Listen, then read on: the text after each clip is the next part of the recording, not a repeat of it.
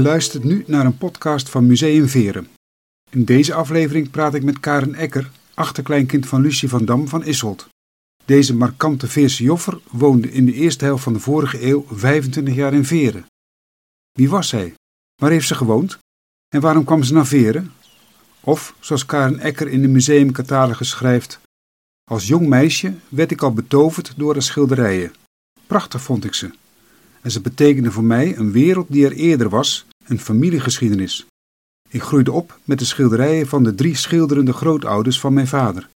Maar die van Lucie sprongen er voor mij uit door het licht en de lichtheid, de combinatie van een vele witte en kleur.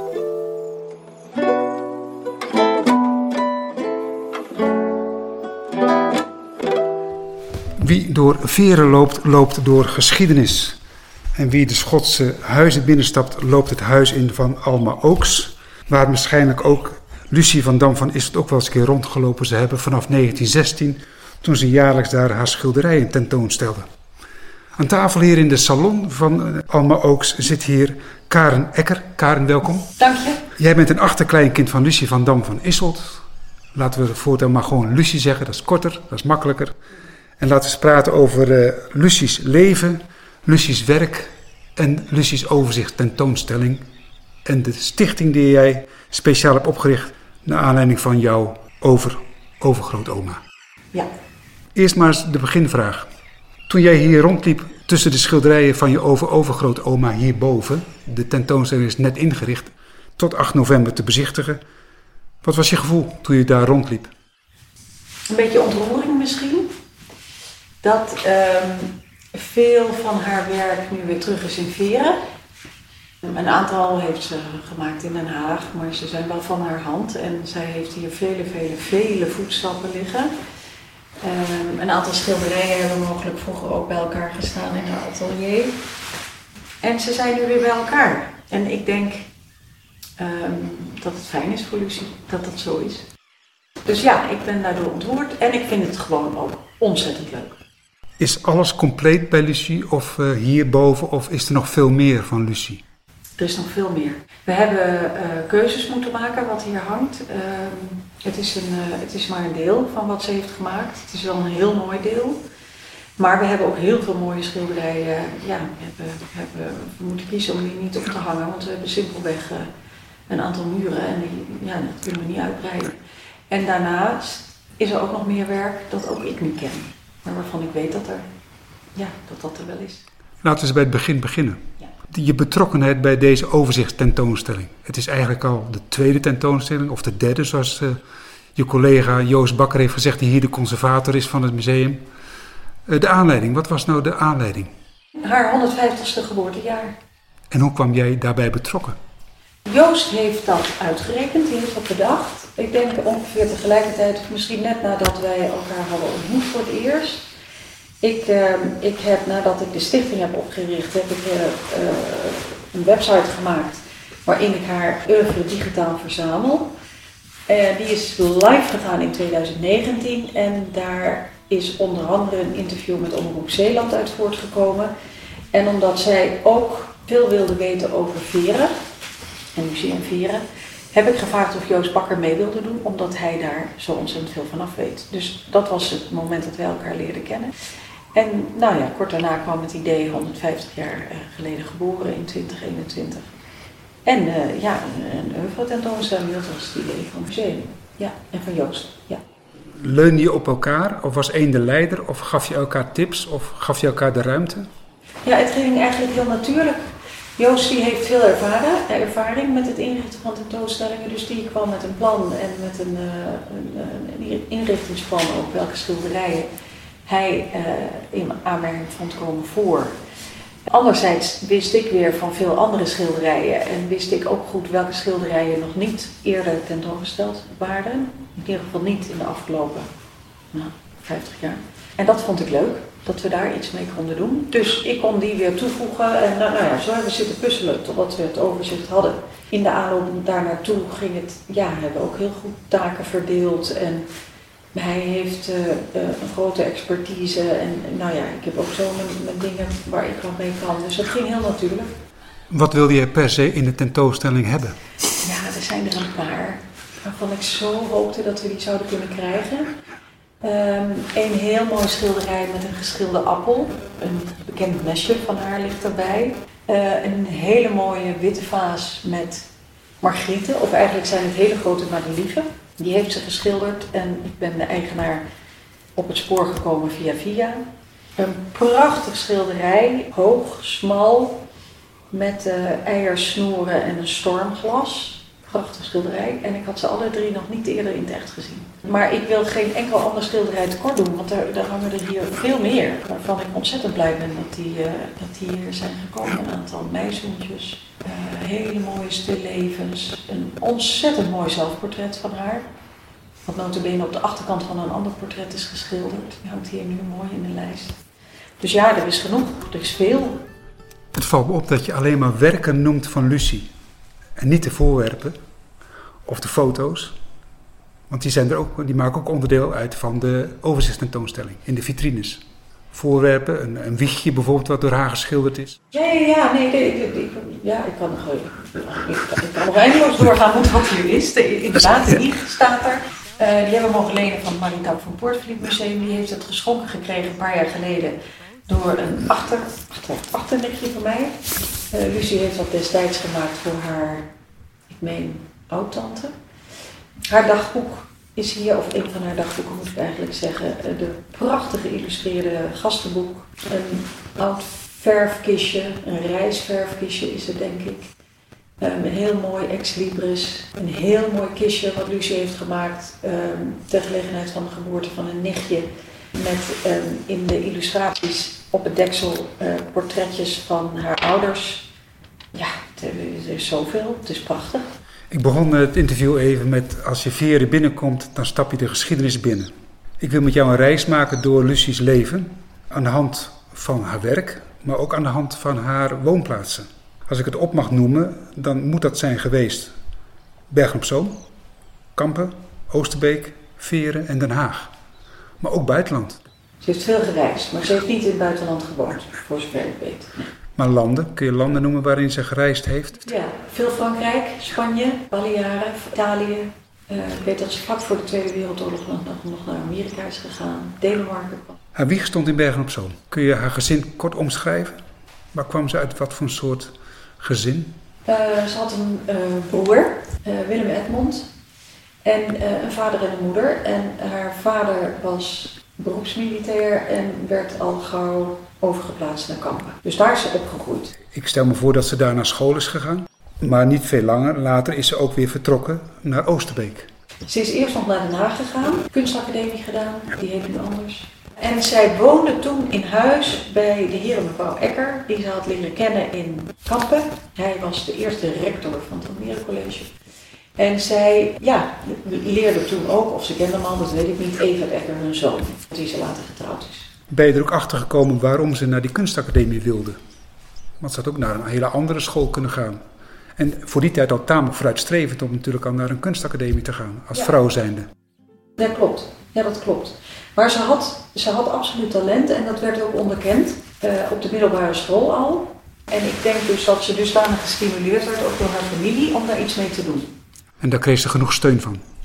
Daar ga ik, ja, daar ga ik vanuit. Ja, ja die details ja. die weet ik niet, maar daar ga ik wel vanuit. Dat dat volledig ondersteund werd door haar ouders. Na de studie is ze toch weer vanuit Den Haag weer naar Oosterbeek gegaan. Ze is uh, toen getrouwd met Evert en uh, ze hebben veel gereisd en uiteindelijk zijn ze, uh, zijn ze zich gaan settelen in Oosterbeek. Ik heb wel, mij wel eens laten vertellen dat er ook een kunstenaarskolonie was of dat die zelfs ook door haar is opgericht. Het kwam eigenlijk al een beetje ten einde, die kunstenaarskolonie. Maar er kwam hier een opleving toen zij daar kwamen wonen. Ze hadden een, uh, een, uh, een, mooi huis, ateliers in hun huis. En zij konden daar veel kunstenaars ontvangen. En daardoor ja, kwam er weer wat leven in de, in de brouwerij wat dat betreft. Maar het was al het eindje van de kunstenaarskolonie Oosterbeek. Had ze ook de juiste persoonlijkheid om dus dat weer in gang te zetten? Dat denk ik wel. Straalde zij het ook uit? In die tijd weet ik dat niet. Was zij een gangmaker? Ik durf dat niet helemaal volmondig te beamen. Um, misschien in het begin van hun huwelijk wel. Maar het huwelijk was uiteindelijk heel ongelukkig. Dus om nou te zeggen dat zij daar een enorme feestganger was, dat vind ik te ver gaan. Maar ze had absoluut het talent om uh, een, een vriendenkring om zich heen te krijgen, om gastvrij te zijn, om mensen te ontvangen. En dat is ongetwijfeld in die beginjaren is dat zo geweest als ik zie wie daar allemaal zijn geweest in Oosterbeek.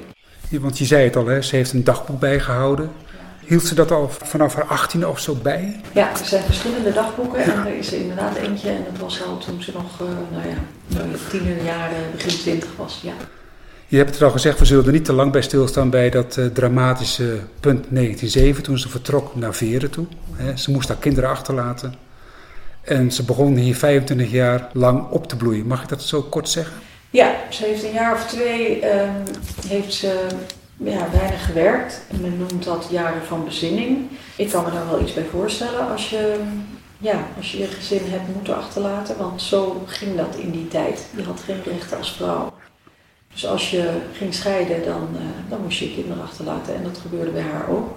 Ze is naar Vieren gegaan en ze heeft uiteindelijk wel de kracht gevonden om zichzelf weer bij elkaar te rapen en de kunsten te vinden en, uh, en haar talent verder te ontwikkelen. Waarom Veren? Zij ging vanuit Oosterbeek, kwam ze al in, uh, in Domburg, daar woonde haar nichtje. Drabba was de naam van haar moeder. En uh, ongetwijfeld zijn ze vanuit Domburg ook in Veren geweest. Ik heb gelezen dat ze dus uh, haar eerste huisje was op de markt.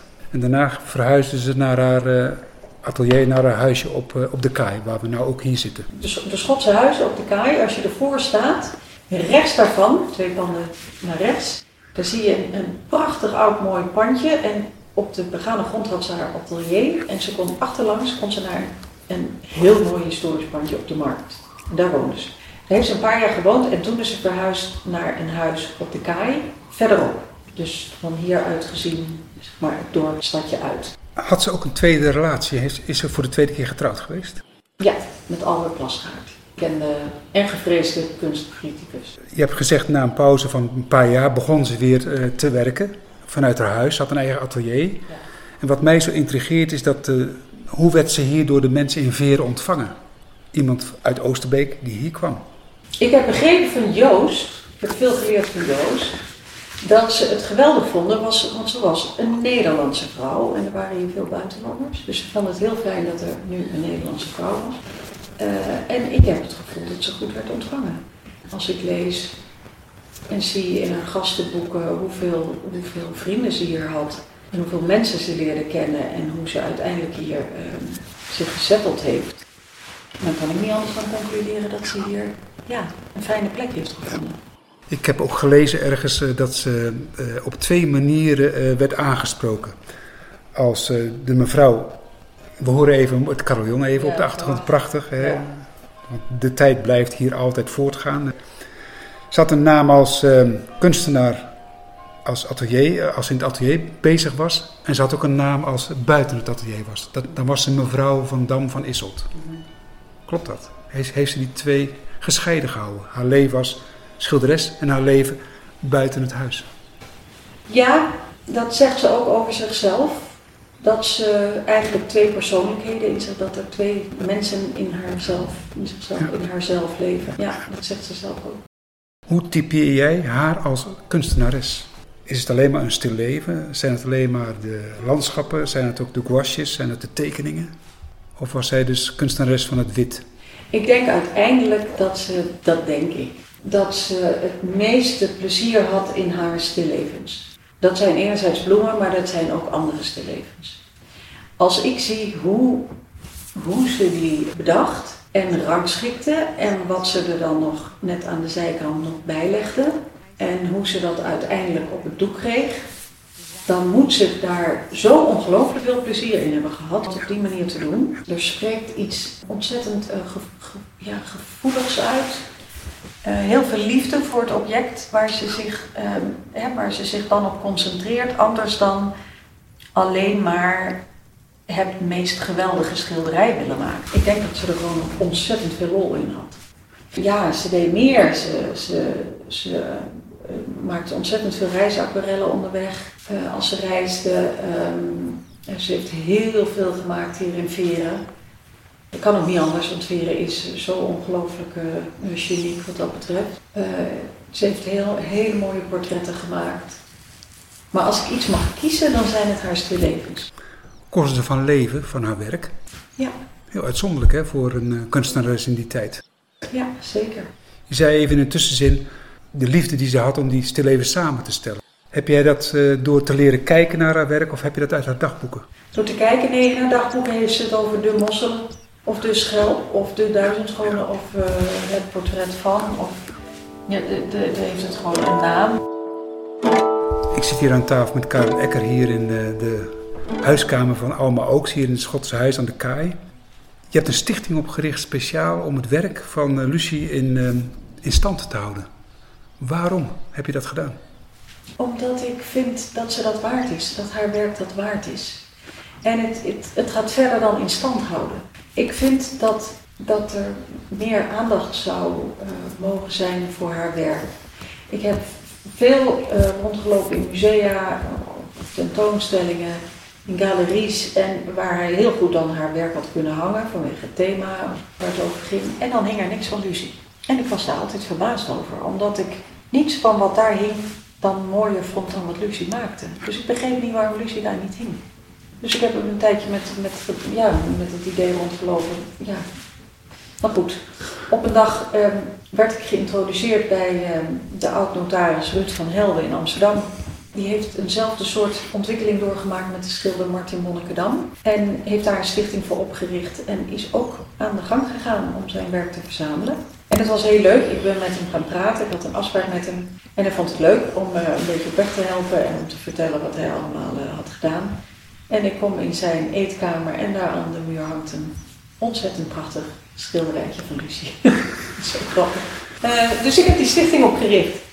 En uh, het eerste wat ik ben gaan doen is een, een, website maken met een archieffunctie. Dus waarin ik alle schilderijen zou kunnen plaatsen die ik vond. En ik dacht dat ik dat heel snel zou kunnen doen. Maar ik heb er uiteindelijk drie jaar over gedaan voordat ik hem uh, heb gelanceerd. Dat is in 2019 is wat gebeurd. De stichting is van 2016. En inmiddels staan er zo'n 550 werken op. En ik heb nog werken die ik moet toevoegen. Alleen al het kunstmuseum heeft 120 tekeningen van haar, die moet ik nog toevoegen. En ik weet dat er meer werk is. Ik kom namen tegen van schilderijen van ik denk dat schilderij, dat ken ik niet, dat is nog ergens. En die namen kom je tegen in documenten of in haar dagboek? Ja, oude, oude catalogie, verschillend, ja. Je bent nu vijf jaar bezig met de stichting. Ik denk dat je dat je, je hele leven met de stichting zult bezighouden. Hoop het. Want uiteindelijk, wat wil je ermee bereiken? Meer aandacht, dat heb je al gezegd natuurlijk. Ja, zodat meer mensen kennis kunnen maken met haar werk en het kunnen zien. Hoe draag je het nog meer uit, behalve zo'n uh, zo'n gesprek als dit? Uh, geef je wel eens lezingen? Nee, eigenlijk niet. Ik, ben, ik heb me tot nu toe vooral bezig gehouden, gehouden met die website en af en toe een interview. Ik ben heel blij met deze tentoonstelling nu. En daar komen ook weer andere, ja, daar komen ook weer andere zaken uit voort. Ik, uh, ik vind het geweldig dat er een, een boek uitkomt nu over haar. En uh, haar, haar tijd in Veren uh, met de schilderijen die hier komen te hangen. Inderdaad, er komt een prachtige catalogus uit. Ja. Hè, met al het werk wat ook hier tentoongesteld is. Maar de autobiografie of de biografie over Lucie, die mis ik nog. Er is een monografie. En een hele goede, die is geschreven door Wim Blok. Uh, Wim Blok heeft in 1986 de tentoonstelling in Bergen op Zoom georganiseerd. En die heeft destijds 200 schilderijen bij elkaar gekregen. En dat was uh, geen sinecure, want toen was er nog geen internet. Ik ben ontzettend geholpen door internet, maar hij moest het zonder stellen.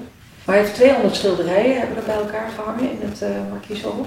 En hij heeft heel veel onderzoek gedaan, twee jaar lang. En dat is dus allemaal uh, verschenen in een prachtige monografie. Die is ook te lezen op de website www.lucievanamvanissel.nl. Uh, die hebben we gelukkig mogen publiceren van hem. En trouwens, die monografie die is geüpdate nog bij de tentoonstelling in 1999. Die is ook van zijn hand. En Joost heeft daar nu weer een heel eigen hoofdstuk eigenlijk aan toegevoegd door uh, in te zoomen op haar leven in Veren. Een heel, heel, heel persoonlijk, ook heel persoonlijk uh, stuk heeft hij daarover geschreven. Vind jij het nodig om jouw hoofdstuk daaraan toe te voegen? Nou, ik heb ook, ik heb ook iets geschreven in, die, uh, in dat boek. Meer mijn persoonlijke, ja, mijn persoonlijke observaties en wat ik zo bijzonder vind aan Lucie. Uh, ja, ik speel wel met het idee nog dat het leuk zou zijn als er ooit een boek komt over Lucie. ik denk dan aan de, ja, de vorm van een journalistieke roman. Omdat ik ben ooit hiermee begonnen omdat ik haar schilderijen geweldig vind. Maar de persoon Lucie uh, intrigeert mij inmiddels uh, misschien nog wel meer. Ik vind het een hele bijzondere vrouw en ik denk dat het ontzettend leuk is om haar leven verder uit te diepen en te kijken wat we nog allemaal meer kunnen vinden over haar. Leren de bezoekers hier Lucie ook goed kennen als ze de tentoonstelling aandachtig hebben bekeken? Hoop ik. Dan wil ik met je afronden met de laatste vraag. Ik ben benieuwd wat jouw antwoord is op de vraag van uh, Lucie wilde het veerste in haar schilderijen leggen. Dat is een goede vraag. Wat zou Lucie daarmee hebben willen bereiken? Op, wat bedoelt ze daarmee? Ik kan me iets voorstellen, mm, schoonheid. Veer is zo prachtig, zo ongelooflijk prachtig en zuiver. En dat zijn haar schilderijen ook, zijn zuivere schilderijen. En misschien heeft het ook wel iets te maken met het licht, het beroemde Zeeuwse licht. Um, en dat vind ik ook van haar schilderijen. Ik vind de combinatie van, nou ja, witte dus, maar van het licht, kleur die ze eraan toevoegt, vind ik heel bijzonder. Misschien dat ze dat daarmee bedoelde. We blijven kijken en we komen er eigenlijk nooit achter. Of wel, misschien. Karen, hartelijk bedankt. Graag gedaan. Ik zou het uh, uh, toejuichen als de mensen uh, die een schilderij kennen van Lucie dat nog niet op de website staat, als ze dat kenbaar zouden kunnen maken. Dat kan via de website, staat, staat op hoe je dat kunt doen. Want ja, hoe leuk is het als we dat oeuvre completer krijgen. Dus iedereen die iets weet, graag. Dankjewel.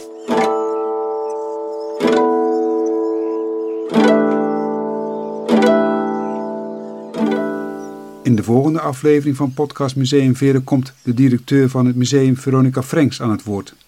Zij vertelt over de betekenis van veren in de 15e en 16e eeuw en dan speciaal als het gaat over de bezoeken van Erasmus aan Veren en aan Anna van Borselen.